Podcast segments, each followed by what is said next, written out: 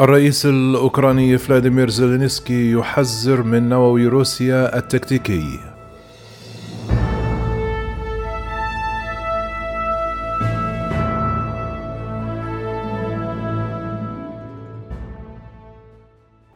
مع اكتمال الحشد العسكري الروسي للاستعداد على الهجوم الشرقي الأوكراني أكد الرئيس الأوكراني فلاديمير زيلينسكي أن بلاده ليست على استعداد للتخلي عن أي أراضٍ لإنهاء الحرب مع روسيا.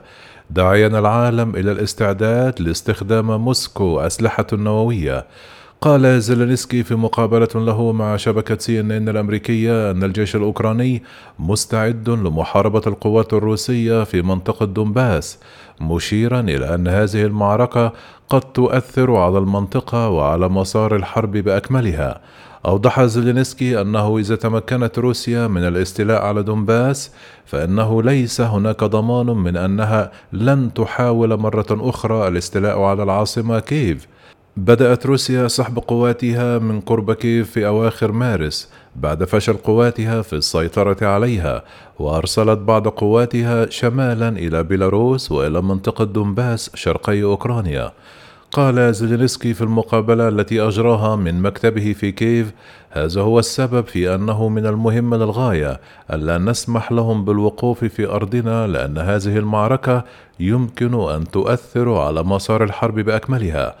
وأضاف الرئيس الأوكراني أنا لا أثق في الجيش الروسي والقيادة الروسية. هذا هو السبب في أننا نفهم أنهم بعد فرارهم من كييف بعد مقاومتنا لهم.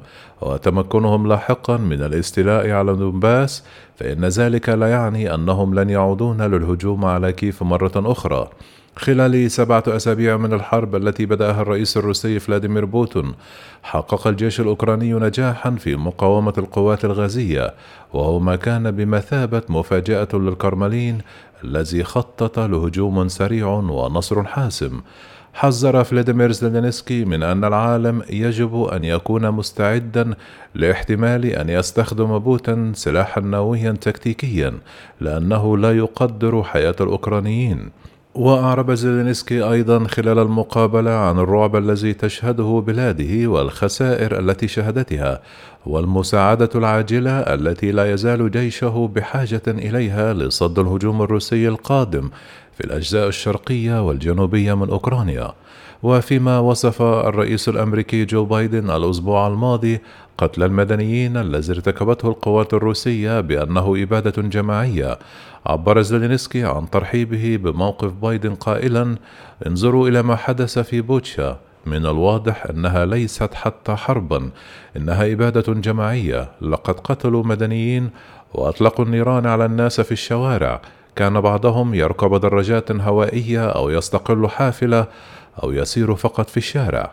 دعا زيلينسكي الرئيس الفرنسي إيمانويل ماكرون لزيارة العاصمة كييف ليرى الفظائع المرتكبة عن قرب بعد أن قال الأخير ردا على تعليقات بايدن بشأن الإبادة الجماعية أنه لا يعتقد أن إثارة مثل هذا الخطاب سيكون بناء وقال زيلينسكي أعتقد أنه يريد اتخاذ بعض الخطوات لضمان انخراط روسيا في الحوار.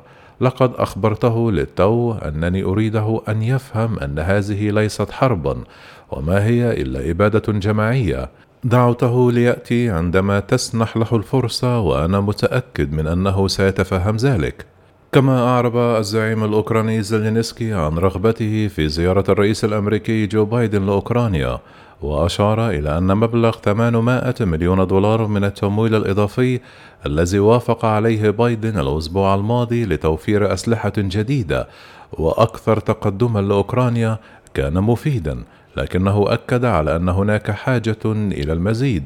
وقال زيلينسكي بالطبع نحن بحاجة إلى المزيد لكنني سعيد لأنه يساعدنا الآن.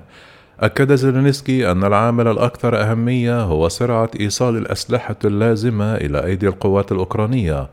ورفض المخاوف التي أثارتها الولايات المتحدة ودول أخرى بشأن عدم تدرب الجنود الأوكرانيين على استخدام بعض الأسلحة التي تطلبها بلاده.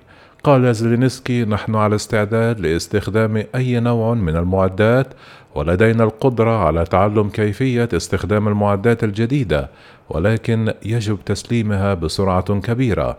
حول المفاوضات العالقة.